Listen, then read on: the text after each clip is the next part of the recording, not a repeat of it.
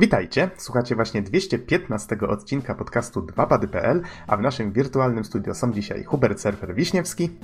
Cześć. Marcin Easy Kołodziej. Cześć, cześć. I Bartłomiej Donsot-Tomycyk. Halo, halo. A mówi Adam Noxa 15 Dębski. Nagrywamy w sobotę 21 maja 2016. I głównym tematem tego odcinka będzie recenzja Uncharted 4 Fifth's End, czy w polskiej wersji Kres Złodzieja. Gra miała premierę całkiem niedawno, więc mamy nadzieję, że ten odcinek trafi do sieci niedługo po nagraniu tego wstępu i tej recenzji.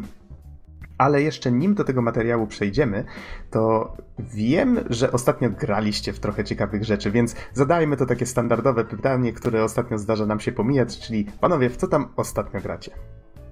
I zacznijmy może od, no już w kolejności w jakiej wymieniłem, Surfer, może od ciebie. Z ciekawszych rzeczy było Nio i Overwatch, o którym kilka słów tutaj opowiemy z Izim. No i tak, może Overwatch. Overwatch to jest taka strzelanka online z różnymi bohaterami. Jest to gra Blizzarda, która będzie miała swoją premierę za 3 dni. I dla mnie jest to dosyć duże zaskoczenie, bo generalnie gier tylko online raczej nie lubię, a grałem się w to naprawdę fajnie. Jest bardzo dużo bohaterów, jest świetna stylistyka, mecze są bardzo szybkie i fajne. No niestety gra nie jest tak jak początkowo zakładali free to play, tylko jest w pełnej cenie pełnej gry na konsolę czy na PC, więc troszeczkę trzeba na nią wydać już na starcie, mimo zapewne tego, że będą mikrotransakcje różnego rodzaju, ale wydaje mi się, że chyba warto. Tak, po tej otwartej becie jestem zdecydowanie na tak. Druga gra to Nio, które miało swoją taką alfę, demo alfa nawet to się nazywało, więc było to takie wczesne demko. Czy to się pisało N-I-O-H? Tak, Nioh. Nioh, okej. Okay. Tak, dokładnie tak. Czyta się chyba Nio. Przynajmniej wszyscy tak to czytają. Jest to taki na pierwszy rzut oka troszeczkę klon Dark Soulsów w klimacie feudalnej Japonii więc biegamy sobie takim hmm, bohaterem, który wygląda trochę jak klon Geralta na pierwszy rzut oka, więc taki azjatycki Geralt. Mamy do dyspozycji trzy, trzy bronie. Jest to włócznia, katana i, mm, i, i, i... Topór. Topór. Dlaczego Don mi tutaj smuta? Czy ja coś, coś walnąłem jak To znaczy trosz, troszeczkę się przejęzyczyłeś w feudalnej. O, przepraszam bardzo. Przepraszam, to nie było zamierzone. Taka mała e... podpowiedź za sceny. tak, bo, bo, widzę tutaj Don mi tutaj jakieś emotki wysyła, więc połk, mówię, połk. ojej, może coś, coś nie tak? No to, tak, to więc... było smutne. Zdarza się. Skończyliśmy e... na włóczni chyba. Skończyliśmy na włóczni, więc tak, jest to gra, która mm, podobna mechanicznie jest do Dark Soulsów, ale mam wrażenie, że z jednej strony jest troszeczkę, e, troszeczkę szybsza, ale z drugiej strony trzeba zdecydowanie mocno uważać ze względu na to, jak tam akurat działa pasek staminy i tak dalej. Może za mocno się w to nie będę zagłębiał, bo pewnie Easy będzie chciał też kilka słów dodać od siebie. E, a, a, a, a, a mm, a może jakieś takie większe pierwsze wrażenia nagramy przy innej okazji. E, jeszcze e, dodam jedną grę, bardzo może nie powinienem się nią chwalić. E, jest to Dead or Alive Extreme 3, które miało swoją swoje Nie powinieneś demko. się nią chwalić. E, tak, miało swoje demko na mm, między innymi japońskim PSN-ie. No i muszę przyznać, że ta gra to jest prawdopodobnie gniot zupełny. W sensie nie, nie, ma tam za dużo gry w grze tak naprawdę. Mm, no ale jeżeli ktoś ma ochotę e, z jakiegoś powodu sobie to wypróbować, to, to have fun, można to ściągnąć. Oczywiście nie skoro ma tego na... Tak, skoro już tak podbudziłeś mhm. ciekawość słuchaczy, to chociaż powiedz o czym ta gra jest. To jest gra, w której e, występują bohaterki e, bijatyki Dead or Alive.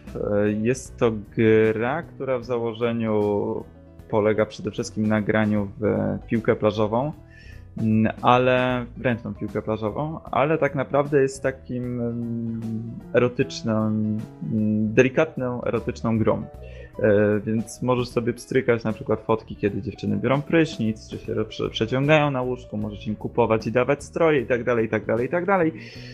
No i okazało się, że, że tak, jak, tak jak zresztą mi się wydawało po tym, co, co wcześniej widziałem, że ta gra w sumie nie ma tak naprawdę nic do zaoferowania, no chyba, że yy, chyba, że na tym skończę.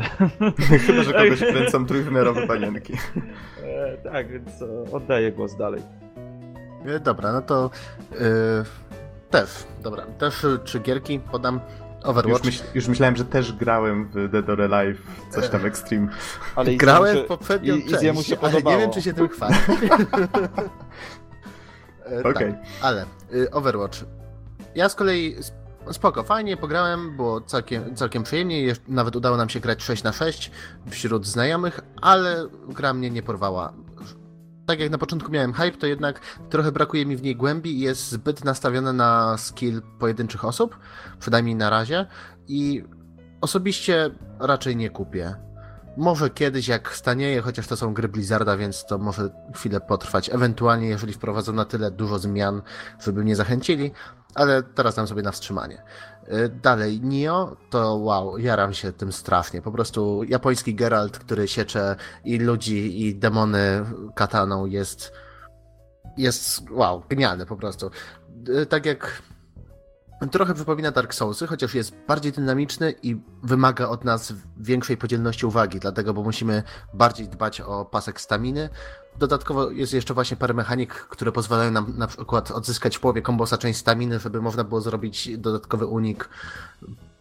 Ogólnie masa kombinowania i Zresztą tak jak surfer mówił, pewnie, pewnie zgadamy się i zrobimy jakieś takie większe pierwsze wrażenia, ale na razie jestem jak najbardziej na tak i jak tylko będzie coś więcej wiadomo o dacie premiery, to łykam z miejsca. Mm, to ja tylko dodam od siebie, że oglądałem materiały z tego Nioha, czy, czy jak to się powinno czytać? Nio. Nio, okej, okay, niech będzie. E, I faktycznie to porównanie do Dark Soulsa nie jest przypadkowe. Już oglądając ten materiał czułem, że to jest bardzo silnie inspirowane w sensie mechaniki i tego, jak postać się porusza. Mm, okej. Okay. I jeszcze ostatnia giereczka, o której wspomnę, to jest Paragon. To jest third person shooter MOBA. Już first person shooter multiplayer online battle arena od Epic Games. Czyli Epic Games raczej wszyscy powinni znać, choćby z silnika Unreal Engine, prawda? I tak jak na początku podchodziłem do tej gry sceptycznie, dlatego, bo kolejna MOBA, kolejny shooter MOBA, trochę przypominający Smite'a, to jednak y, ma na tyle głębi, na tyle kombinowania i y, po prostu dostosowywania rozgrywki do swoich potrzeb, jeżeli chodzi tam o kupowanie przedmiotów, o jakieś rozwijanie skilli i tak dalej, że jestem tym zainteresowany i nawet od czasu do czasu zdarza mi się grać ze znajomymi i jeżeli tylko macie, macie chwilkę i macie ochotę, to ogarnijcie sobie stronkę playparagon.com lub coś w ten deseń, wrzucimy link, gdzie można się zarejestrować do, do bety, która tam od, chyba co dwa lub co trzy tygodnie praktycznie roz, rozsyłają dostępy y, na beta weekendy. Też Więc miałem to... okazję pograć ze dwie partyjki, ale faktycznie gra jest piękna i myślę, że mechanicznie nawet ciekawa, ale przypomniałem sobie, dlaczego nie grywam w takie gry, bo po prostu jedna rozgrywka trwa dość długo. Jak sobie myślę, że miałbym przy tym zarywać wieczory, to trochę szkoda mi czasu. E, tak, ale... właśnie muszą popracować trochę nad tym pacingiem, dlatego, bo początek gry to potrafi być nawet 20 minut, gdzie nic się nie dzieje. A później, mhm. jeżeli gra dotrze tam do 40 minut, to wtedy prawdopodobnie jeszcze będzie trwała kolejne 20, jeżeli żadna ze stron nie popełni większego błędu. Więc muszę nad tym popracować, ale osobiście polecam się zainteresować. Okej, okay. i wspomniałeś o trzech grach? Yy, tak, Overwatch, Nio i Paragon. Aha, okej, okay, okej. Okay. Palców mi zabrakło. w takim razie, Don, w co ty ostatnio grasz? No cóż, akurat w moim przypadku ostatnio, to znaczy chyba z ostatniego miesiąca, czy nawet półtorej, bo, bo tak by to mniej więcej było, co się działo ostatnio u mnie. No cóż, przerobiłem szturmowika bitwy o Stalingrad. Tutaj temat jest aktywny, jeśli chodzi o dwa pady. Dosyć dużo poza tym tytułów się przewinęło. Chociażby The Path od Telltales, bo zamówiłem edycję kolekcjonerską, pudełkową, to jest akurat właśnie gra bardziej z ciekawości dotyczącej samego medium, a nie, a nie jakby pasji gracza. To samo z demokracją numer 3, takim w gruncie rzeczy symulacją e, prowadzenia państwa. Natomiast oprócz tego pojawia się Dirt Rally, które, które kończę na maksymalnie możliwym e, wysokim poziomie trudności, mając jednocześnie pada, więc nie jest to zadanie łatwe, natomiast e, zdecydowanie opinie, które krążą o tej grze, że jest to po prostu jeden z najlepszych, e, nawet niektórzy mówią symulacji wyścigów rajdowych, myślę, że są w dużej, dużej mierze dobre. Natomiast wydaje mi się, że no, jakby już pomijając te, te rzeczy i tytuły, które się pojawiły w międzyczasie, Myślę, że chyba najważniejszym, który, o którym mam do powiedzenia, to jest po prostu Doom. On wyszedł nie tak całkiem dawno, w piątek 13. Teraz, kiedy to mówię, to jest zeszły tydzień pewnie, kiedy podcast pójdzie, będzie to troszeczkę, e, troszeczkę dalej oddalone w przyszłości. E, natomiast muszę powiedzieć tak, chociażby w dwóch, trzech zdaniach, że w gruncie rzeczy jest to przykład tego, jak id Software powraca do swoich korzeni. To jest przykład zrobienia gry z użyciem nowej technologii, ale starymi metodami. W gruncie rzeczy Doom z 2016 jest przeróbką oryginalnego z 1993 roku. W gruncie rzeczy e, bardzo niewiele się różni, jeśli chodzi o, o rozgrywkę. Inaczej, powiedziałbym, że, że jakby ten najnowszy Doom jest jakby swoistym połączeniem większości, jeśli nie wszystkich doświadczeń, jakie id Software miało, e, połączywszy, e, jakie doświadczenia miało zarówno przez tworzenie wszystkich części Doom, jak i Quake'ów. Więc tutaj mamy te no naprawdę bardzo dopracowany, dobry, dobry produkt, który no, wygląda, że widać, że po prostu ma dużo, dużo za sobą historii, dużo doświadczeń, które wykorzystali. Mhm. Myślę, że to będzie na teraz tyle, a jakoś niedługo, jakoś niedługo powstanie recenzja, dlatego że wydaje mi się, że już zmierzam powoli do końca. Zrobiłeś mi, zrobiłeś mi chrapkę na tego Duma, bo ja też już patrzę na niego i tak się zastanawiam, czy go kupić, ale bo betę wiele osób krytykowało, multiplayer, ale z kolei bardzo dobra recenzja za single gra zgarnia, więc, więc no jestem zachęcony. Multiplayer nie grałem, też słyszałem pewną krytykę, chociażby chociażby wolne tempo, ale niestety nie jestem w stanie tego teraz w ogóle potwierdzić, bo nie grałem po prostu. Natomiast e, single, no, muszę powiedzieć, że dużo elementów jest fantastycznych. No i nie wiem jak hardkorowi gracze na to, ale ja przynajmniej jestem bardzo zadowolony. Chociaż szczerze powiedziawszy też jest jedna uwaga. E, ja gram obecnie na najwyższym możliwym poziomie trudności, czyli ultra przemocy, przy czym są jeszcze kolejne do odblokowania, kiedy ukończy się już grę. E, natomiast, natomiast ten pierwszy, najtrudniejszy, no czuć, że to jest taki trochę normal. Więc no, nie wiem co okay. na to fani, wiem, że fani Szturmowika mogliby za to za coś takiego hejtować. Dobrze wiedzieć. A jeżeli o mnie chodzi, hmm, od ukończenia Uncharted 4 razem z surferem e, raczej w nic nie grałem jeszcze. E, za to mogę się pochwalić, że byłem na Digital Dragons w Krakowie w tym tygodniu. Poznałem Johna Romero osobiście. E, no i to w sumie było całkiem fajnie i przy okazji dziękuję wszystkim, którzy odwiedzili nasze stoisko z grą Bound na PS4. Taka mała autoreklama. Mamy nadzieję, że się dobrze bawiliście.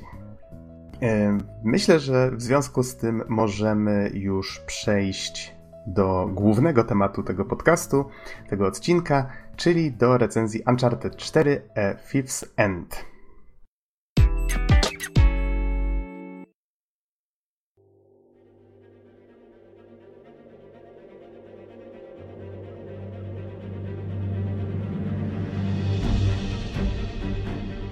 W wirtualnym studio są teraz ze mną Hubert Surfer Wiśniewski. Cześć. Marcin Easy Kołodziej. Cześć, cześć. I Bartłomiej Donsot-Tomycyk. Hej, hej. A mówi Adam Noxa 15 Dębski. Nagrywamy w sobotę 21 maja 2016 i będziemy teraz recenzować grę Uncharted 4 e, Fifth's End, czyli koniec, czy kres złodzieja, tak? Chyba przetłumaczono na polski. No tak, dokładnie tak. Okej, okay, okej, okay. bo z surferem graliśmy akurat wersję angielską. Tutaj Easy, z tego co słyszałem, grałeś po polsku. Słuchałeś boberkowych dialogów? Pewnie.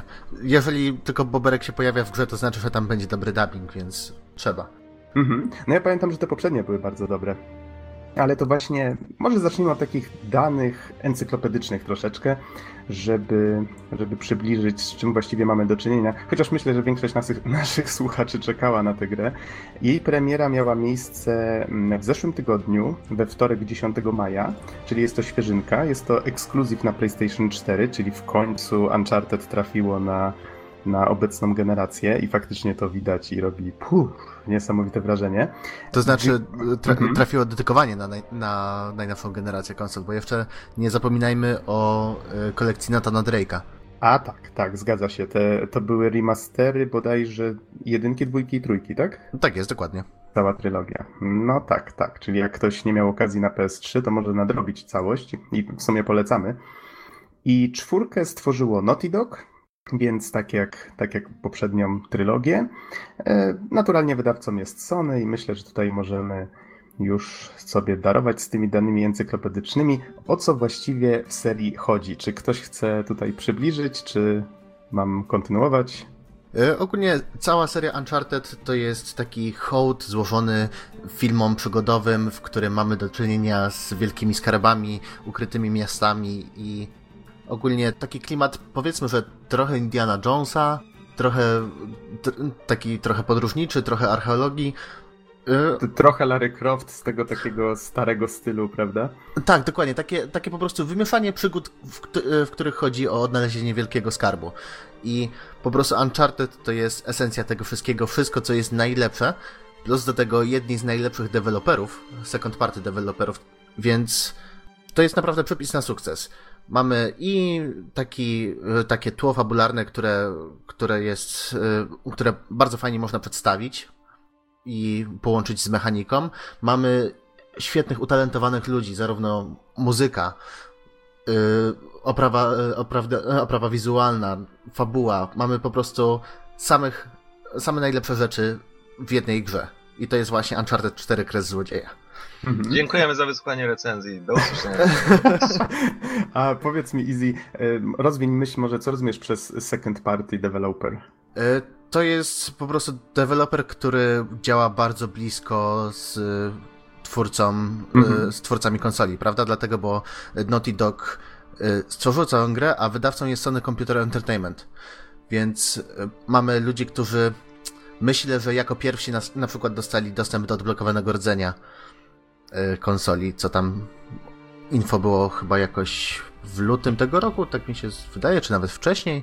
Mhm. No ale w każdym razie nie, nie wnikajmy e, no, w takie tutaj, tutaj drobne, tak dro, drobne sprostowanie, bo tak. e, żeby nie wprowadzać tutaj w błąd za mocno, e, sprawdzam na Wikipedii, mm, że Naughty Dog jest e, tutaj wylistowane jako first party studio, więc nie wiem, y, Easy, czy jesteś tego pewien, czy jest to second party, ale ale Wikipedia mówi co innego, więc... A, to okej, okay, sorki. Myśla, myślałem, że, mhm. że są jednak trochę niezależni, tak jakby, choć, no, tak jakby, mm, tak jak choćby Kojima aktualnie, prawda, że robi, podpisał jakąś tam umowę z Sony, ale też nie jest związany, nie ma związanych rąk przez nich, prawda? Nie, nie, też nie, Naughty Dog zostało wykupione przed jeszcze chyba stworzeniem e, serii Jack and Daxter przez Sony, więc A, to wydaje mi się, że tutaj e, są zdecydowanie first party.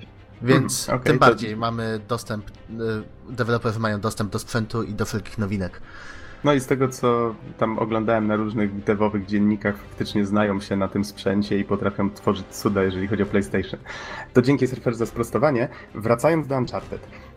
Sama gra mechaniką jest strzelanką z osłonami z perspektywy trzeciej osoby, ale jest w tym wszystkim taki fajny twist, że mamy tutaj wspinanie się, mamy bardzo fajne platformowe elementy, które idealnie blendują się już od pierwszej części właśnie z tym strzelaniem. Czyli możemy powiedzmy zwisać z jakiejś platformy, celować drugą ręką z pistoletem w przeciwnika, który biegnie obok. Um, robić różne przewroty, tak? Teraz w czwórce doszła nowa mechanika z liną, w dwójce... I jeszcze doszło trochę skradania, które tak, w sumie trochę tak. podobne do tego Tomb Raiderowego, szczerze powiedziawszy. Ono już było w serii, nie pamiętam czy od pierwszej części, ale dało się już przynajmniej w dwójce robić takie akcje, że obserwujemy pole walki, gdzie przeciwnicy jeszcze nieświadomi naszej obecności sobie spacerują i możemy właśnie chowając się za tymi osłonami, um, unikając ich wzroku, no, skręcać karki tym, tym i owym i ograniczyć sobie w ten sposób ilość przeciwników do pokonania później, tak? Którzy się na nas rzucą ze splowami, z bronią palną. E, w dwójce doszedł do tego multiplayer. Oj, to był naprawdę super dodatek, pamiętam, że się w niego zagrywałem. E, był też w trójce, w czwórce powraca, chociaż przyznam szczerze, że poświęciliśmy mu z surferem bardzo mało czasu, tak tylko rzuciliśmy okiem właściwie, że tam jest. Nie wiem jak ty Easy. Ja nawet nie grałem, szczerze powiedziawszy. Zupełnie, mm -hmm. nie wiem, po prostu skupiłem się na singlu, bo, bo tym przede wszystkim gra stoi według mnie. Mhm. Znaczy ja trochę dłużej pograłem e, w multiplayer, więc nie wiem czy akurat od tego chcesz zacząć recenzję, ale tutaj kilka słów mogę, mm, mogę powiedzieć, bo chociażby mm, model biznesowy jest dosyć ciekawy. E, jeżeli chodzi o to, jakie pieniądze musimy wydać, e, albo przynajmniej e, możemy wydać na multiplayer w Uncharted.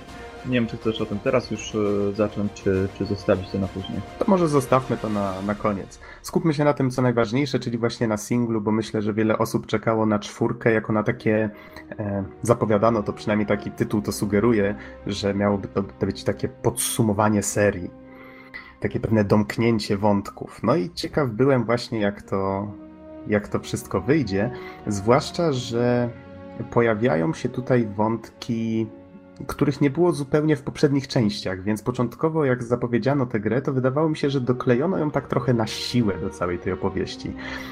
Bohaterem, tak jak w poprzednich częściach, jest Nathan Drake, i tutaj pozna, czyli właściwie właśnie ten poszukiwacz przygód, tak? I jego przyjaciele, czyli powraca Sally, powraca Elena, która w tej chwili jest już e, żoną Drake'a. I powraca dużo postaci, nawet znaczy, może nie wszystkie, ale przynajmniej o niektórych się wspomina. Czyli nie ma tak, że jeżeli jakaś postać pojawiła się w poprzednich częściach, to przynajmniej znajdziemy tutaj jakąś wspominkę na jej temat. To jest bardzo fajne. I właśnie warto, warto dodać, że jest sporo wspominek. Że to jest gra, gdzie praktycznie jeden z rozdziałów jest poświęcony temu, żeby poprzypominać sobie właśnie jak to wyglądało w poprzednich częściach, co odwiedziliśmy, co zdobyliśmy i z kim się zadawaliśmy. Mhm, zgadza się. I pojawia się jedna postać, której znaczy jedna, pojawia się więcej nowych postaci, ale jedna bardzo istotna postać, czyli brat Neitana, o którym nigdy wcześniej się nie wspominało.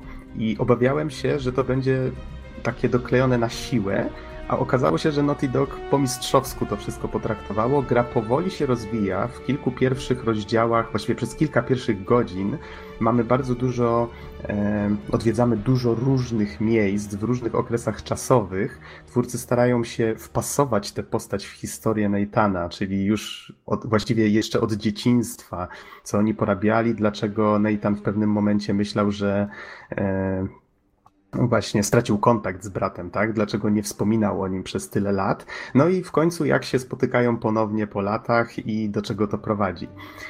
E, więc udało się to faktycznie bardzo fajnie zrobić. Te pierwsze zadania są napakowane masą cutscenek, masą e, fajnych wydarzeń w różnych miejscach. Po mistrzowsku, naprawdę po mistrzowsku to zrobili. E, I czego właściwie szukamy w, w czwartej części Uncharted. Okazuje się, że bracia już od lat marzyli o szukaniu e, skarbu piratów. Nie pamiętam dokładnie jak się nazywał ten, ten pirat, może ty surfer przypomnisz? No, nazwisko miał Avery, zaraz ci znajdę całe Henry Avery, Henry, dokładnie. Henry Avery, tak. Mhm. Tak, czyli I... trafili, trafili na, na ślad jego skarbu, ponoć jakieś niestworzone bogactwa. No i Nathan myślał w pewnym momencie, że to już taka bolesna przeszłość, o której chciał bardziej zapomnieć. Nagle brat powraca i okazuje się, że ma poważne kłopoty, musi ten skarb koniecznie znaleźć, więc dla Nathana jest to bardziej taka podróż nie tyle po skarb, co po to, żeby pomóc, pomóc rodzinie w potrzebie, tak? Tak, tylko właśnie też y, warto nadmienić, że on ryzykuje y, drugą część rodziny, w sensie właśnie całą relację z Eleną, ze swoją żoną, bo tak jak yy, tytuł sugeruje, że, że właśnie to będzie kres złodzieja, a tak naprawdę to już w, w samych scenach otwiera, otwierających wiemy, że Nathan porzucił życie takiego złodziejaszka, prawda, że już nie ma niebezpiecznych misji, gdzie działamy na skraju prawa, o ile nie poza prawem. I E, tak, właśnie czyli, pomagając czyli... bratu, e, tak jakby właśnie stawia na, stawia na fali mm, relacje z bratem i e, relacje z żoną, więc to jest taka, taka bardzo osobista podróż, można by powiedzieć trochę. Mhm, tak, zgadza się. I te wszystkie konf- takie małe konflikty e, bardzo fajnie tutaj widać. Ta, ta chemia między postaciami, czyli to, o czym wspominasz, że konflikt e, Nathan Elena, ta rezygnacja z codziennego, zwykłego życia na, na rzecz powrotu do, do tych szaleńczych przygód, bardzo niebezpiecznych, czy no, konflikty z innymi postaciami. Nie chcę tutaj oczywiście zdradzać, bo myślę, że gra jest na tyle świeża, że im mniej się powie o fabule, tym lepiej nim zagracie. I... Myślę, że warto dodać mhm. na pewno, że scenarzyści Naughty Doga odwalili kawał świetnej roboty i yy, właśnie te całe kontakty między postaciami, wszystko wydaje się być takie dosyć, dosyć naturalne, nie, niewymuszone i wow, nie, po prostu byłem mega pod wrażeniem niektórych, niektórych przerywników filmowych, jak po prostu to wszystko naturalnie wygląda. Mhm. To żeby może już więcej o fabule faktycznie nie mówić, powiedzmy tylko tak a propos tego podsumowania, jak, jak ta gra się sprawdza jako podsumowanie serii. Według mnie sprawdza się genialnie, to już Easy wspomniałeś, że jest misja, w której e, przypominamy sobie, co przeżywaliśmy w poprzednich częściach. Tak samo gra pięknie została zakończona i cudownie taką klamrą domyka e, całą historię. Myślę, że fani serii jak zakończą Uncharted 4 to będą zachwyceni tym, co zobaczyli. No ja przynajmniej byłem. Łezka w oku będzie, na 100%. tak, e, Wiecie, dla mnie to jest o tyle ciekawe, że właśnie Uncharted 4 jest tak mocne, jeżeli chodzi o skrypt i scenariusz, że warto powiedzieć, że w czasie tego całego cyklu deweloperskiego Uncharted trafiło, no może nie do końca e, w piekło deweloperskie, ale były różne problemy, potknięcia. Widać było, że tam e, w teamie Naughty Dog nie do końca wszystko działa jak należy. No i tutaj taka, można powiedzieć, już e, osoba, która urosła do rangi legendy, jeżeli chodzi o pisanie skryptów, czyli Amy Henning odeszła z Naughty Dog bodajże około półtora roku temu E, wypracować nad e, nową grą w uniwersum Star Wars. Więc tutaj, z tego co wiem, jej wstępny skrypt został zupełnie odrzucony i wydaje mi się, że tutaj Neil Druckmann przejął um, po niej pałeczkę. On był zresztą całą główną osobą odpowiedzialną za, za projekt Uncharted już chyba od trzeciej części. No i tutaj widzę, że jest też między innymi pisarzem. E, więc prawdopodobnie miał jakiś e, większy wpływ na, na ten scenariusz, który dostaliśmy i mm, wydaje mi się, że wiele osób spodziewało się, że skrypt, postacie, cała historia, może spójność też tego uniwersum bardzo mocno ucierpi na tym wszystkim e, ze względu na, na tę sytuację, ale według mnie, jeżeli chodzi o właśnie skrypt, E, fabułę i tak dalej, to jest, to jest w ogóle najmocniejsza część, więc e, odwalili tutaj naprawdę kawał świetnej roboty, mimo tego, że Uncharted miało te problemy w czasie, w czasie swojego developmentu, była przesuwana kilkukrotnie data premiery i każdy troszeczkę już zaczynał mieć wątpliwości. No trzeba przyznać, że jeżeli chodzi o to, to Naughty Dog no odwaliło kawał świetnej roboty. Mhm. I może przejdźmy teraz do mechaniki, chyba że macie jeszcze coś do dodania a propos, a propos fabuły. Albo nie tyle mechaniki. Zacznijmy może od tego, jakie miejsca odwiedzamy, chociaż naturalnie nie chcemy za dużo zdradzać. W zwiastunach i materiałach, z tego co pamiętam, był pokazany Madagaskar i chyba możemy też wspomnieć o Włochach, tak mi się wydaje. Jest jeszcze więcej tych miejsc. Myślę, że bardzo fajnie zachowano tutaj balans e, w przeciwieństwie do chyba trójki. Pamiętam, że trójka wydała mi się takim, taką kalką dwójki. Z kolei na przykład w jedynce cały czas siedzieliśmy w, na jednej wyspie właściwie, na której ciągle działy się jakieś ciekawe rzeczy i na której szukaliśmy tego skarbu. Tutaj w czwórce zachowano całkiem fajny balans na takiej zasadzie, że podróżujemy po świecie, żeby zdobyć wskazówki na temat tego, co szukamy. I jest to właściwie taka no, na oko z połowa gry dopiero. Czyli jak już trafimy na miejsce, gdzie ten skarb naprawdę jest, tam czeka na nas jeszcze drugie tyle atrakcji. I to mi się bardzo podobało, że w trójce, jak znajdowaliśmy to magiczne miejsce, z, w którym zaraz odnajdziemy te cudowne, cudowne skarby, to spędzaliśmy tam raczej bardzo, bardzo mało czasu. Nie mieliśmy jakby okazji nacieszyć się tym, co twórcy tam stworzyli. Więc to taka moja mała dygresja na ten temat. No tak, właśnie fajne jest to, że możemy, że podróżujemy po całym świecie, powiedzmy, i każde z miejsc jest naprawdę zróżnicowane, zarówno jeżeli chodzi oczywiście o, o tam warunki pogodowe, o, o architekturę, ogólnie o sam projekt poziomów. Jest naprawdę bardzo dobrze zrobiony, także czuć pewne takie elementy wspólne, w sensie tak jakby każda lokacja, którą odwiedzamy ma, ele ma elementy wspólne i dzięki temu gra jest cały czas świeża. Pomimo tego, że oczywiście skaczemy, cały czas są zagadki, które są w miarę podobne, to jednak ta świeżość gdzieś, gdzieś cały czas jest. Mhm. Tu warto dodać o tym, że jest więcej otwartych przestrzeni, znaczy więcej. E, Uncharted zawsze było taką grą bardziej, bardziej rynnową, bardziej nastawioną na oskryptowane doświadczenie, ale pojawia, w czwórce pojawiają się, no nazywanie tego otwartymi przestrzeniami jest może trochę na wyrost, ale... Mm, powiedziałbym bardziej, że to są y, udostępnione zostały y, hmm, różne ścieżki, do, y, którymi możemy dojść do naszego celu dzięki temu tak naprawdę za każdym razem jak gramy, to, to przejście będzie trochę inne, dlatego bo niekoniecznie będziemy się poruszać cały czas po tej samej określonej ścieżce przez, przez deweloperów, tak jak w poprzednich częściach, gdzie no, obejrzeliśmy gameplaya i za każdym razem to było to samo. Mhm. Tutaj spoko, możemy, możemy y, zamiast wspinać się po prostu po, po ściance, możemy gdzieś zarzucić właśnie, zarzucić liną, y, gdzieś przeskoczyć na, na jakieś inne wzgórze, czy, czy jakąś tam wieżę, czy, czy ściankę, prawda? I dzięki temu całość się wydaje być bardziej naturalna, dlatego, bo nie mamy właśnie nie ma tej, tej rynny zupełnej. No, teoretycznie jest, ale tak jak mówisz, zawsze znaczy zawsze, w większości przypadków da się dotrzeć do miejsca na różne sposoby, to jest fajne. I jest podaje... arena, ale jest dobrze ukryta. tak, Dok dokładnie to miałem powiedzieć, że jest I... świetna iluzja tego otwartego świata, tak jak Madagaskar, o którym wspomniałeś, który widać było na gameplayach. To nadal jest teren, który jest ogromny, który można zwiedzać tym e, jeepem przez naprawdę długi czas.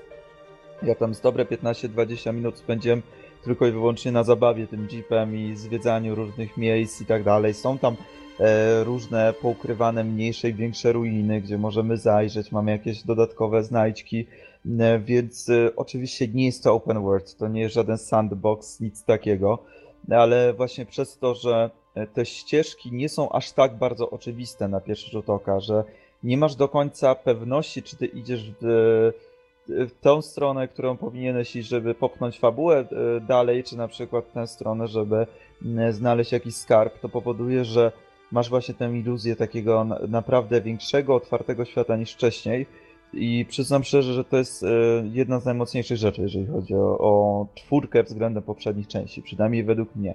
Bo tutaj ten gameplay, no, e, troszeczkę e, zaczął działać na innych płaszczyznach. Według mnie trochę tak jak Metal Gear Solid 5 odeszło, odeszło MGS właśnie od bardzo takiej liniowej rozgrywki na rzecz tam akurat otwartego świata, tak samo tutaj jest podobny feeling, możliwość właśnie ukrywania się w różnych krzakach, czy obchodzenia przeciwników, czy tego, jak oni się zachowują, kiedy wszczynają alarm, kiedy ten alarm zaczyna już troszeczkę, te, te ich, y, te ich poszukiwania zaczynają troszeczkę przy, być mniejsze i tak dalej, więc y, tutaj dodatkowo z tym AI wrogów bardzo fajnie się to komponuje, więc uważam, że nawet jeżeli nie nazwać tego otwartym światem, no bo nie jest to otwarty świat, to mamy wspaniałą iluzję tego, mm, tych otwartych miejscówek i mm, jest to bardzo fajne.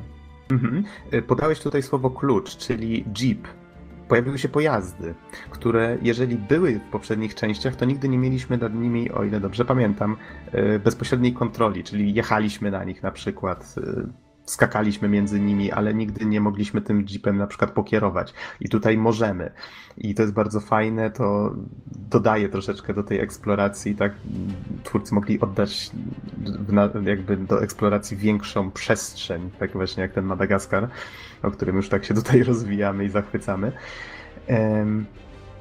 I Z nowych rzeczy jest właśnie jeszcze ta linka z hakiem, o której chyba już napomknąłem. Ona dodaje trochę nowych mechanik, pozwala na przykład dużo szybciej przemieszczać się między różnymi miejscami, bo właściwie możemy skoczyć z krawędzi, postać bardzo szybko zarzuci w odpowiednie miejsce liną, robimy ta ta ta, ta jak ktoś grał w Indiana Jonesa and the Infernal Machine, to dobrze, dobrze zna to uczucie. Ja właściwie nuciłem sobie te melodie z Indiego za każdym razem, jak robiłem ten, ten ruch.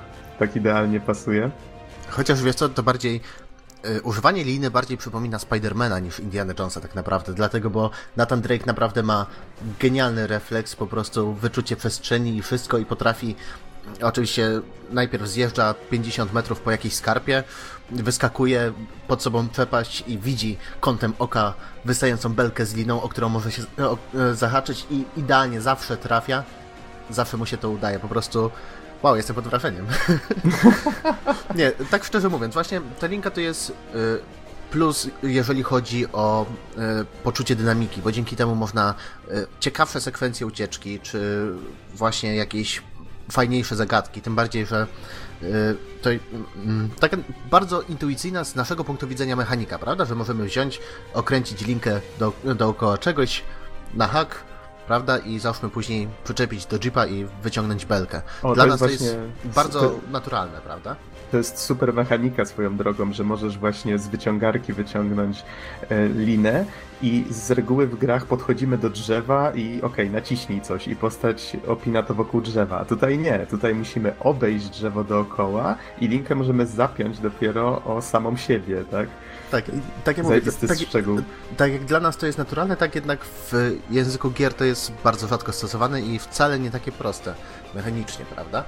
Ale jeszcze bardzo odnośnie fajnie. Y, samej linki, to właśnie tak jak mówię, jeżeli chodzi o mechanikę samej gry, to to jest świetny dodatek, ale jeżeli chodzi o narrację, to Linka jest strasznie nienaturalna, no nie oszukujmy się, ale czasami wygląda wręcz komicznie i dziwnie, powiedziałbym.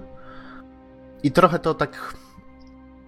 Trochę się kłóci z obrazem Natana Drake'a, który powiedzmy, że stara się być w miarę taki realistyczny pod pewnymi względami, a później dostajemy linkę, którą właśnie, tak jak wspomniałem, zawsze trafiamy, zawsze nam wszystko wychodzi i. Mhm. Ale wiesz, wydaje mi się, że to się wpisuje trochę w to, co, do czego seria nas już przyzwyczaiła, bo tak samo Serper wspomniał o przeciwnikach. Znowu mamy tutaj antagonistów, którzy dysponują całą armią najemników, więc walczymy właściwie z całą armią i tak jak w dwójce mieliśmy właściwie dość duży kontrast, tak, że e, Lazarewicz nazywał Natana zabójcą, e, właściwie, że się niczym nie różnią, tak, A, bo właściwie lecieliśmy przed siebie i zabijaliśmy dziesiątki tych wrogów.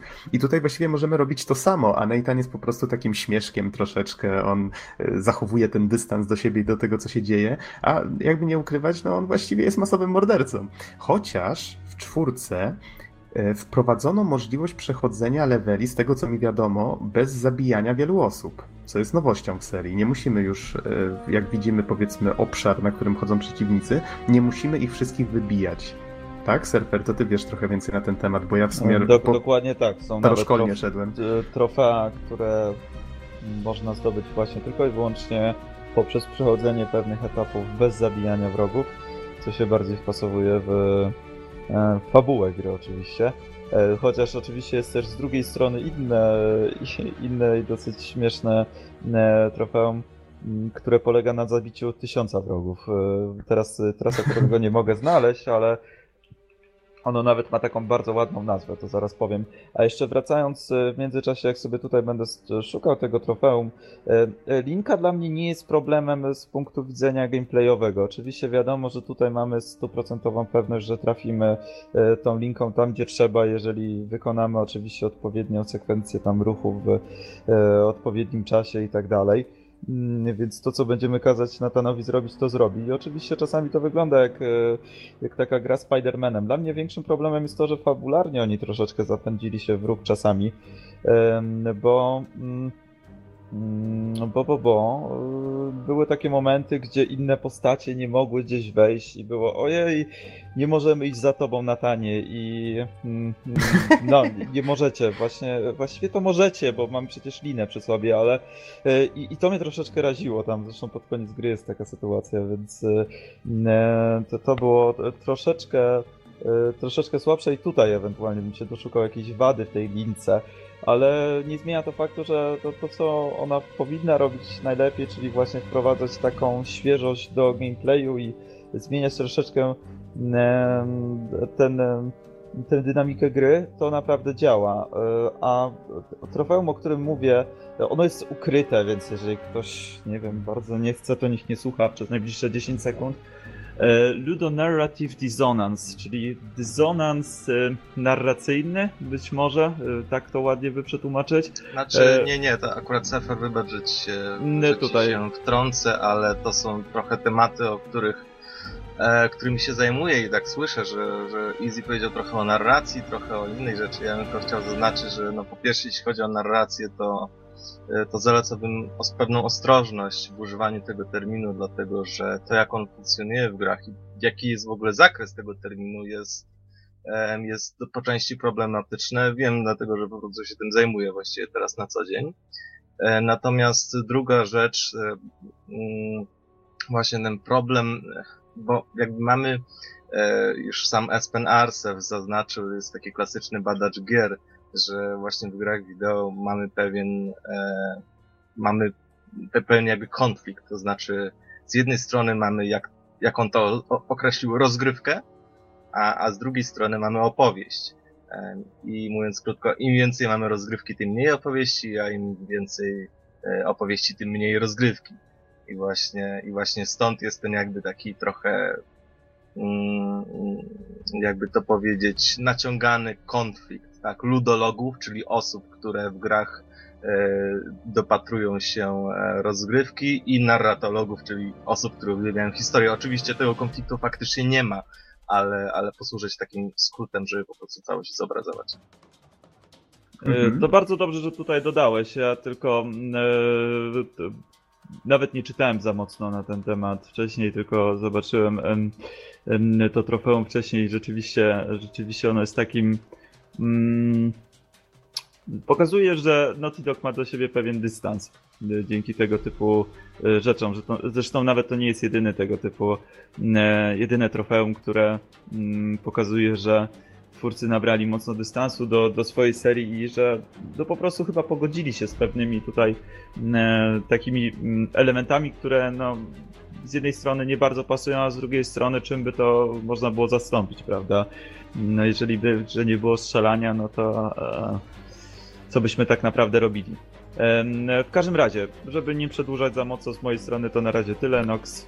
e, Ja jeszcze przekazuję tylko powiem Mhm. faktycznie, że, że właśnie jeśli chodzi o ten tak, tak zwany konflikt ludologów i narratologów, to, to w gruncie rzeczy ludolog to jest badacz gier w ogóle, a, a jeśli ludolog zajmuje się narracją i ma jakieś podejście, to jest jednocześnie narratologiem, więc dlatego ten konflikt po prostu nie istnieje, bo to, to oznaczałoby, że ludolodzy, w tym narratolodzy, czyli by, musieliby kłócić się sami ze sobą, ale to jest, to jest zupełnie inna historia. Paradoks. do gry. E, tak, wracając do gry. Wspomnieliśmy o lokacjach, wspomnieliśmy o mechanice. Ja wiem, o czym jeszcze można wspomnieć. No, no. To znaczy, Surfer już nawet wspomniał. Y, Bardzo mi się podoba to, że cały czas jesteśmy z kimś. W sensie Natanowi zawsze towarzyszy jakaś, jakiś inny bohater. To jest super dlatego, bo nawet dzięki temu, jak chodzimy po y, lokacji, niezbyt, niezbyt dużo rzeczy się dzieje, prawda? Nie ma, nie ma jakiejś akcji wartkiej czy, czy coś, to zawsze mamy właśnie jakieś, y, jakieś warciki, prawda, agresów, trochę poznajemy też historię. I... Czy postacie, które nam towarzyszą, nawet. Zresztą tak jak zawsze w serii było, Naughty Dog świetnie sobie z tym radzi. One opisują to, co widzą wokół siebie, dzięki czemu czujemy, że i te postacie, i my jesteśmy lepiej zaczepieni w tym świecie, który zwiedzamy akurat. Tak, dokładnie, że wszyscy jesteśmy częścią tego, tego wirtualnego świata. I jeszcze trzeba wspomnieć, że nawet jeżeli nikt nie towarzyszy Natanowi, to zaczyna gadać ze sobą. Co też zresztą jest fajne i też się naśmiewają z tego, nie? Tak Nathan pewne, tam w pewnym momencie mówi, no Nathan, gratulacje, zacząłeś rozmawiać ze sobą, jeszcze tego ci brakowało. No dokładnie, ale Naughty Dog świetnie sobie z prowadzeniem narracji w ten sposób radzi i widać, że tutaj no starali się trzymać formę i naprawdę im to wyszło. W grze myślę, że można dodać tutaj jeszcze, że tak jak w poprzednich częściach można różne rzeczy odblokowywać za jakieś tam punkty, które się zdobywa, nie wczytywałem się w to dokładnie, ale chyba działa to tak jak zwykle, czyli możemy odblokowywać jakieś nowe tryby, e, znaczy nie tyle tryby, co Chociaż nie, tak, to były faktycznie jakieś takie mody, nazwijmy to, czyli powiedzmy odwrócony e, świat, lustrzanie, albo tryb, w którym jest grawitacja wyłączona. Nie jestem do końca nawet pewien, jak to działa, ale brzmi fajnie. Powiedzmy jakieś filtry ekranu, czyli możemy grać e, chyba w sepi albo w czarno-białym filtrem. Tam widziałem, były jeszcze jakieś takie dziwaczne, tęczowe filtry. No, jak kto lubi, to można na różne sposoby tę grę włączyć, tylko trzeba faktycznie odblokować najpierw te tryby. Jakieś dodatkowe stroje, bo faktycznie jak się potem przegląda listę różnych ubrań, jakie postacie w ciągu fabuły noszą, to no, jest tego całkiem, całkiem sporo. Nie zauważa się tego tak bezpośrednio grając, ale widać, że twórcy masę pracy włożyli w różne aspekty graficzne. I to są właściwie takie, takie małe dodatki. Może powiedzmy już o tej części właśnie audiowizualnej, bo wydaje mi się, że to jest coś, na co wiele osób zwróci na początek uwagę, a ta gra faktycznie wykorzystuje moc PS4 w niesamowity sposób i myślę, że dorównuje właściwie jakością grom PC-owym, co jest zaskakujące, bo przecież PS4 nie jest aż takim nowym sprzętem, prawda? PS4 od początku też była dosyć słabym sprzętem, więc e, tutaj niewiele osób chyba spodziewało się, że e, uda się wyciągnąć nie wiadomo jakie osiągi, e, jeżeli chodzi o, o grafikę na PlayStation 4. Trzeba też przypomnieć o tym, że prawdopodobnie powstaje nowa wersja PlayStation 4, która prawdopodobnie będzie miała premierę jeszcze w tym roku, więc widać, że nawet Sony troszeczkę tutaj no, przyznało się w pewien sposób takim ruchem że, że no ich konsola jest dosyć słaba tak naprawdę, że już nie bardzo ma jak konkurować tutaj z PC-tami. Chociaż warto dodać, mhm. że plotka głosi, że to nie będzie tak, że będą gry, które będą działały tylko na jednym albo na drugim, więc to myślę, że... Nie, no to oczywiście jest no, no temat na zupełnie inny, mhm. inny tak, temat. Tak, zgadza się. E, ale chodzi mi o to, że oczywiście jeżeli chodzi o grafikę, to e, Naughty Dog zresztą tak jak to zwykle mają w zwyczaju, wyprzedzili wszystkich, e, jeżeli chodzi o to, co, co zaprezentowali. E, tutaj uważam, że nie chyba nie ma ładniejszej gry graficznie. Może niektóre momenty w e, The Order wyglądały równie ładnie, ale biorąc pod uwagę, jak tutaj wygląda destrukcja różnych elementów otoczenia, jak otwarty jest świat, jaka jest ilość animacji różnego rodzaju. Mm, to wszystko powoduje, że Uncharted 4 jest na zupełnie innym poziomie mm, względem innych gier, więc tak na dobrą sprawę przechodzimy do kolejnego elementu e, gry już po fabule i rozgrywce, e, który no, jest na naprawdę piekielnie wysokim poziomie. No, jeżeli chodzi o rozgrywkę, to uważam, że jest bardzo dobrze. Jeżeli, uważam, że, jeżeli chodzi o wszystko inne, to uważam, że jest e, no, no, to najwyższa klasa, najwyższy poziom, jaki, e, jaki do tej pory ktokolwiek osiągnął. E, więc robi to niesamowite wrażenie. Do tego warto powiedzieć, że gra działa bardzo płynnie. To jest też bardzo ważne, dlatego że taki Wiedźmin na przykład no, wyglądał też fajnie, ale problemem był. Mm, Problemem była optymalizacja i pierwszych wersji na e, PlayStation 4 i Xbox One. E, tutaj coś takiego nie występuje. Gra bardzo rzadko zalicza jakiekolwiek chrupnięcia animacji, więc e, w trybie online mamy zawsze 60 klatek, w trybie fabularnym mamy praktycznie zawsze 30 klatek i jest to naprawdę bardzo fajne, płynne, responsywne i działa naprawdę rewelacyjnie. No a przy okazji mamy y, najładniejszą grafikę na konsolach, która, która może konkurować z tymi grami PC-owymi, tak jak powiedziałeś. Tak, zwłaszcza, że twórcy przeszli już na e, rendering oparty na fizyce, więc wszystkie materiały, czy to drewno, czy marmur, wyglądają bardzo naturalnie. I są takie momenty w grze, właściwie du dużo, ta gra się składa z takich momentów, że wchodzimy, wychodzimy z jakiejś jaskini na przykład, albo przelatujemy przez jakieś okno i albo jesteśmy albo widzimy przed sobą piękny krajobraz i zamiast iść przez siebie, ktoś tam już mówi, ej Nathan, chodź, to my stoimy i patrzymy. I tak moglibyśmy patrzeć i patrzeć. I warto wspomnieć, że gra ma jeszcze photo mode, więc jak ktoś lubi cykać wirtualne fotki, to będzie spędzał w niej pewnie dodatkowe godziny robiąc tylko to. Jest wiele okazji, żeby się tym trybem, tym trybem cieszyć. No właśnie mi też zdarzyło się parę razy tak, że o wow, strzeliłbym fotkę i ej, przecież mogę. I tylko później 10 minut dostosowanie wszystkiego. O tak, idealnie. Jeszcze tutaj obrozić trochę kamerę. O, o, tak. Jest, dobrze. 10 minut minęło. Dobra, mogę iść dalej. Y, ale właśnie tak jak mówicie, tutaj przede wszystkim y, ta taka wyższość nad innymi grami, y, jeżeli chodzi o grafikę i w sumie też fizykę trochę, to jest dbałość o szczegóły. Po prostu Naprawdę, deweloperzy z Naughty Dog przyjrzeli się wszystkiemu, co tylko można, czemu można się przyjrzeć i zadbali o każdy najmniejszy detal. Do tego stopnia, że na przykład y, rzęsy u bohaterów rzucają cień nawet. Taki fun fact. Y, plus do tego y, różne materiały, oczywiście tam w różnych strojach y, y, występują bohaterowie. W zależności od tego, z jakiego jest materiału, to będzie różnie tak jakby moknął ten materiał, prawda? Że będzie trochę inaczej reagował na wodę, inaczej reagował na wiatr. Zresztą wiatr, który porusza drzewami, porusza też właśnie ubraniami i wszystkim innym. Więc całość jest mega spójna, że ciężko się czegoś przyczepić, naprawdę. Tym bardziej jeszcze animacje, o których warto wspomnieć. Mamy tak duże, dużo i y, taką ilość różnorodnych animacji, że wszystko się wydaje mega naturalne. Nawet jak się wspinamy tam w dwie osoby, jeżeli kogoś mijamy, no to wtedy jest zupełnie inna animacja. W zależności od tego, z, jak, jaka, jakie są te takie półki skalne, po których się e, wspinamy, prawda? Czy są bardziej szerokie, czy wąskie, z, z jakiego są, e, tak jakby powiedzmy, materiału, prawda? To też wpływa na animację wspinaczki. To jest. Aktualnie nie wiem, czy jest inna gra, która mogłaby się poszczycić Y, taką dbałością o szczegóły. Wiesz, najważniejsze jest to, że to nie są też takie, e, taka sztuka dla sztuki, na zasadzie, że okej, okay, zrobimy cienie dla brwi i pochwalmy się tym i będzie fajnie. Nie. Te najdrobniejsze elementy, które wydają się z pozoru takie może nie do końca potrzebne czy głupie, e, właśnie tworzą ten efekt. Ten efekt, że jak widzisz e, sceny w domu z początku gry, które też były zresztą na trailerach, więc osoby, które już widziały trailery, wiedzą o którą scenę mi chodzi.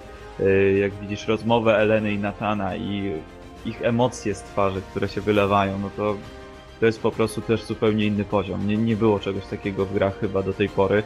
E, mam wrażenie, że czasem to wygląda wręcz jak jakaś animacja Pixarowa więc, czy, czy Disneya, więc naprawdę osiągnęli niesamowity poziom i właśnie ta dbałość o każdy najmniejszy szczegół, o to jak wyglądają pojedyncze pory na twarzy, o to jak przez płatki uszu prześwituje światło, czy, czy, czy przez jak, włosy. Czy przez włosy właśnie, tak, tak jak e, tak. Nadine ze swoją bujną fryzurą i oczywiście e, wspaniale to tam widać w jej przypadku, jak e, postacie wchodzą do wody jakiejś i ta woda na ubraniu jest tylko do pewnego momentu, do, do pewnego miejsca, w którym, w którym do, do, którego się zanurzyli, więc no, dbałość o szczegóły jest po prostu nieziemska. To jest naprawdę e, coś niesamowitego i, i, oczywiście tutaj sobie możemy gadać i wychwalać i wychwalać, ale, ale tak naprawdę to trzeba zobaczyć, to trzeba ograć, bo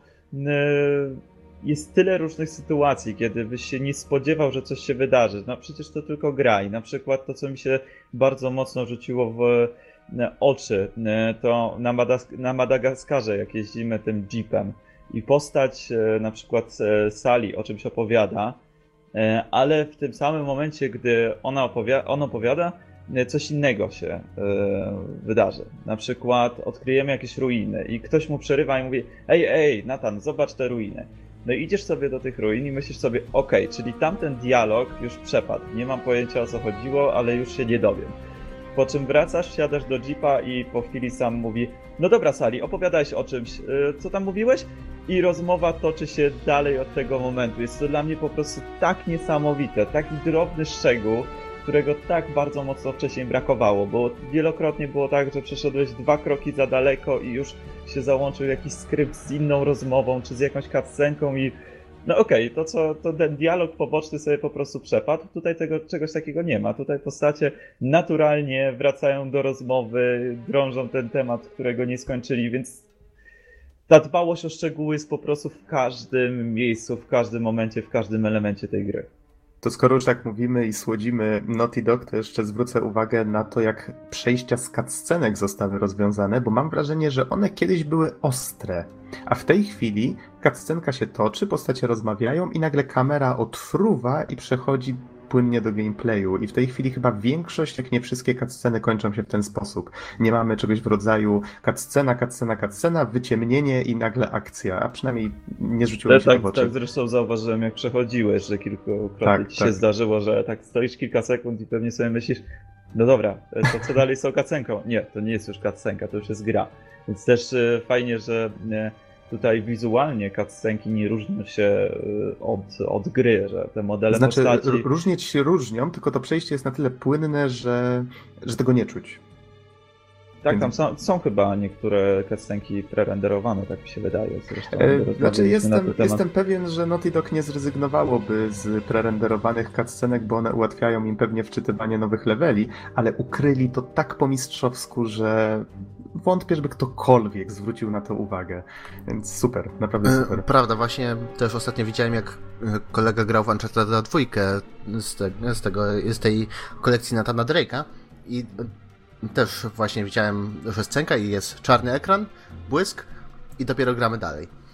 To rzeczywiście dzięki temu mamy taką płynność całej rozgrywki. To wszystko wygląda po prostu rewelacyjnie, a jeszcze co do loadingów, to warto wspomnieć, że spoko, jak pierwszy raz odpalimy, to jest dosyć długo.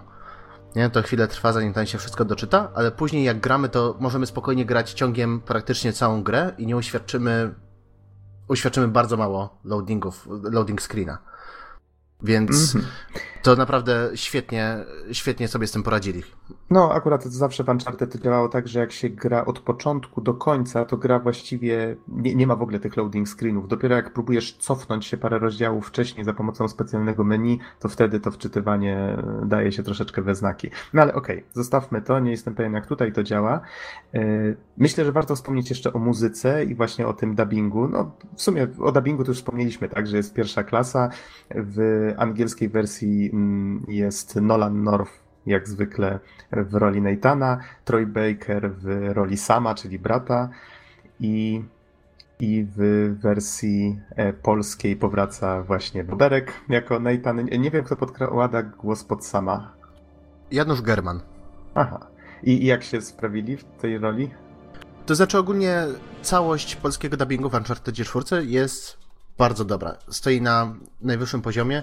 Widać, nie ma czegoś takiego, tak jak choćby w Tomb Raiderze, że słuchaliśmy i mieliśmy wrażenie, że aktorzy nie wiedzieli do końca, co robią, w sensie w jakiej sytuacji się znajdują postacie i tak dalej, i tak dalej. A Mówisz tutaj... o tym nowym Tomb Raiderze? E, I w sumie i tym nowym, i tym starszym. Okej. Okay. E, dlatego, bo tutaj po prostu widać, że reżyser dubbingu wiedział wszystko, jak ma wyglądać, dostał porządny skrypt i też e, aktorzy, którzy grają, mają, mają doświadczenie. Mają naprawdę bardzo dużo, doświadczenia z grami, więc no, co mogę powiedzieć? Jest, jest świetnie i prawdopodobnie będę kończył jeszcze raz grę z, z polskim dubbingiem. Mhm. E, z kolei muzykę skomponował Henry Jackman. Nie wiem, kto komponował do poprzednich części, ale tutaj zauważyłem znaczną różnicę. E, czy na lepsze, czy na gorsze? Właściwie muzyka tutaj jest bardzo filmowa i to tak bardzo, bardzo filmowa, kojarzy się, jakby ktoś obserwował akcję z zewnątrz, to mógłby pomyśleć, że my faktycznie oglądamy jakiś film. I ciężko mi to właściwie opisać, ale podobała mi się. Jest bardzo fajna. Wydaje mi się tylko, że trochę za cicho w domyślnych ustawieniach jest ustawiona. Warto trochę podkręcić kurek, żeby lepiej, lepiej ją słyszeć. No tutaj jedyne co mogę powiedzieć to się zgodzić z tobą, zresztą sam wychwalałem wielokrotnie muzykę w e, Uncharted 4. więc e, przede wszystkim w niektórych walkach jest naprawdę świetna, jest bardzo dynamiczna. E, do tego przystosowuje się do akcji, więc jeżeli akcja spowalnia, to leci podobny motyw, który płynnie przechodzi właśnie z tej wersji bardziej dynamiczną na bardziej spokojną. No i jeżeli kończy się na przykład e, walka z przeciwnikami, to też dosyć płynnie, z tego co pamiętam, się kończy ten motyw, więc bardzo dobrze się wpisuje w to, co widać na ekranie i w nasze tam poczynania. Mhm. Okej, okay. to już tak na szybko, żeby domknąć może kilka rzeczy, o których nie wspomnieliśmy. Powracają skarby, powraca nasz dziennik, powracają zagadki. To wszystko jest, no tak jak cała reszta gry, na bardzo dopracowanym poziomie.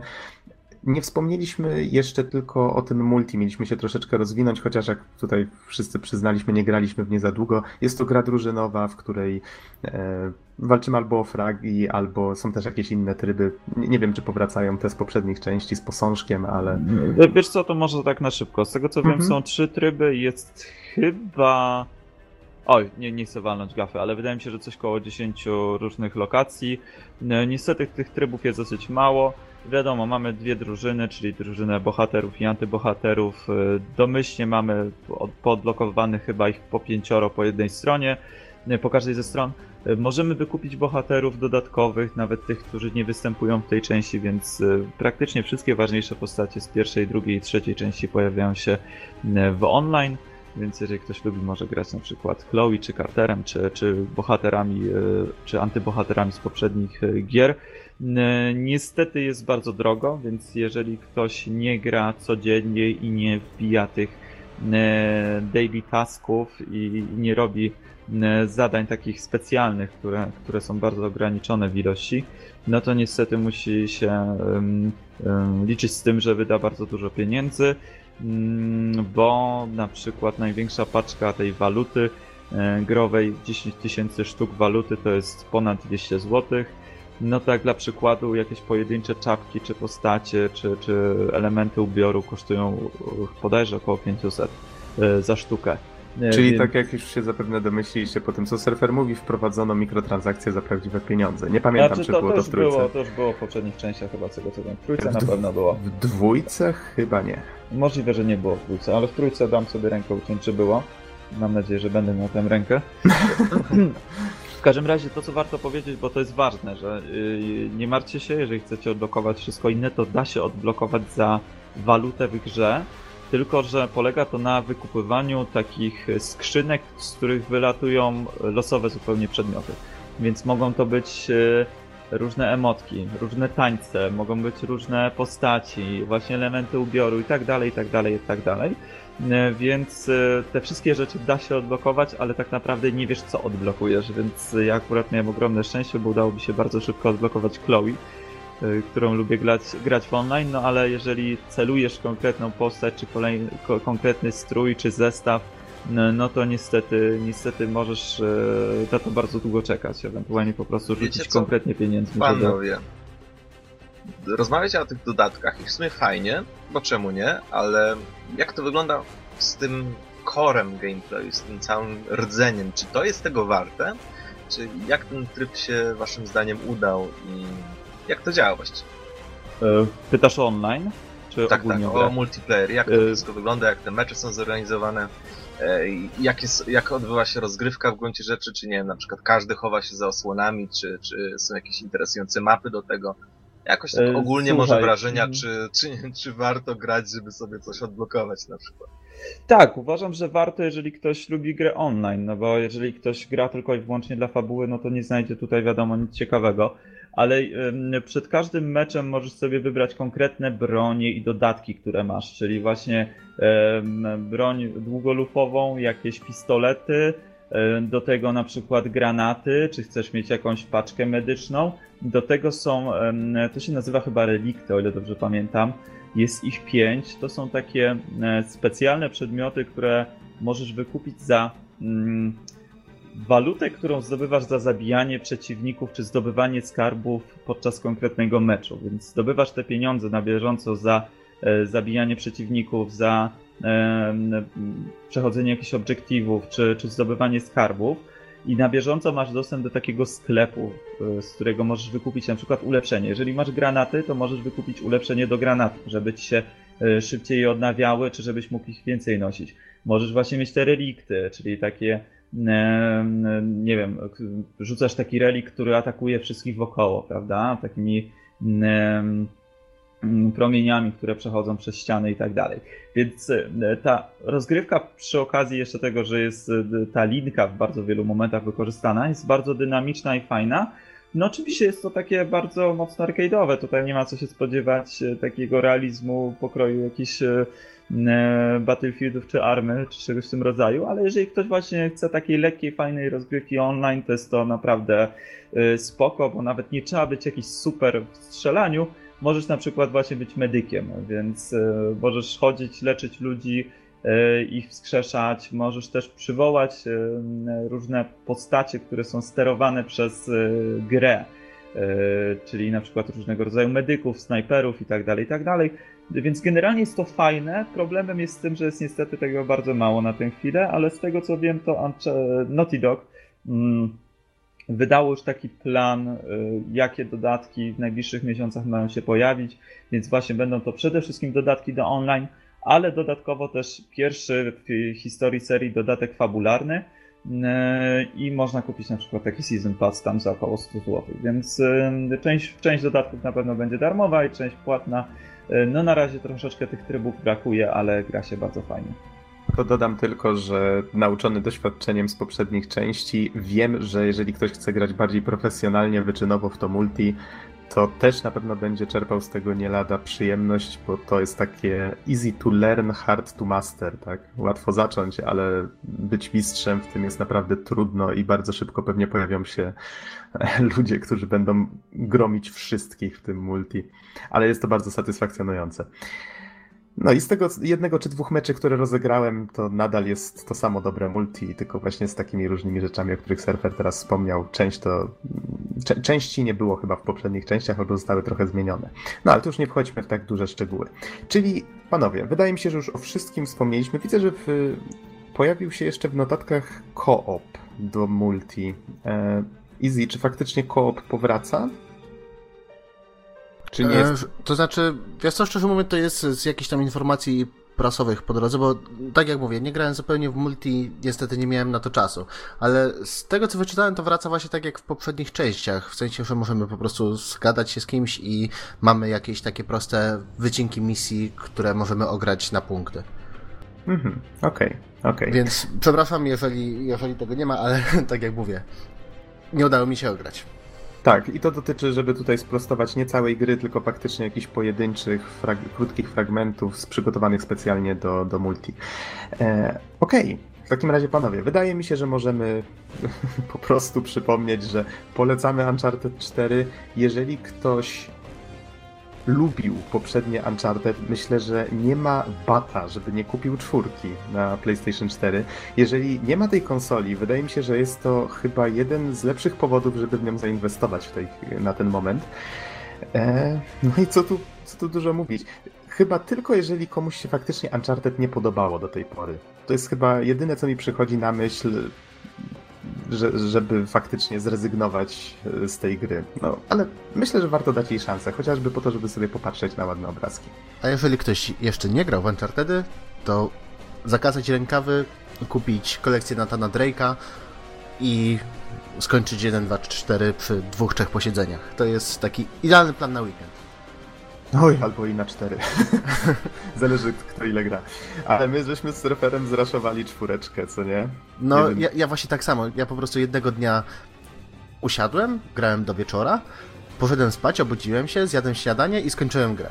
To wspomnijmy tylko ile... Wow, wow, easy, wow, szaleństwo. No, dwa e... razy po 7 godzin, tak to minus. No właśnie, wspomnijmy ile gra trwa 14 godzin, jeżeli gra się na normal, z tego co słyszę, albo ja grałem na hardzie, to tak z 17 godzin, ale jeszcze, o, właśnie, jest bardzo dużo opcji, opcji, które pozwalają dostosować grę do własnych potrzeb. Można nawet auto-aim ustawić na kilka różnych poziomów, wyłączyć go całkowicie, zmienić kontrolę, powiedzmy, przełączania, znaczy y, kamerę z nadramienia i tak dalej, i tak dalej. Jest tych opcji bardzo dużo i jest to o tyle zaskakujące, że w grach konsolowych z reguły takich opcji się dużo nie dodaje, więc bardzo duży plus dla Naughty Dog. Super, że coś takiego dodali. Okej, wydaje mi się, że możemy w takim bądź razie skończyć recenzję. Polecamy i dziękujemy Wam za uwagę.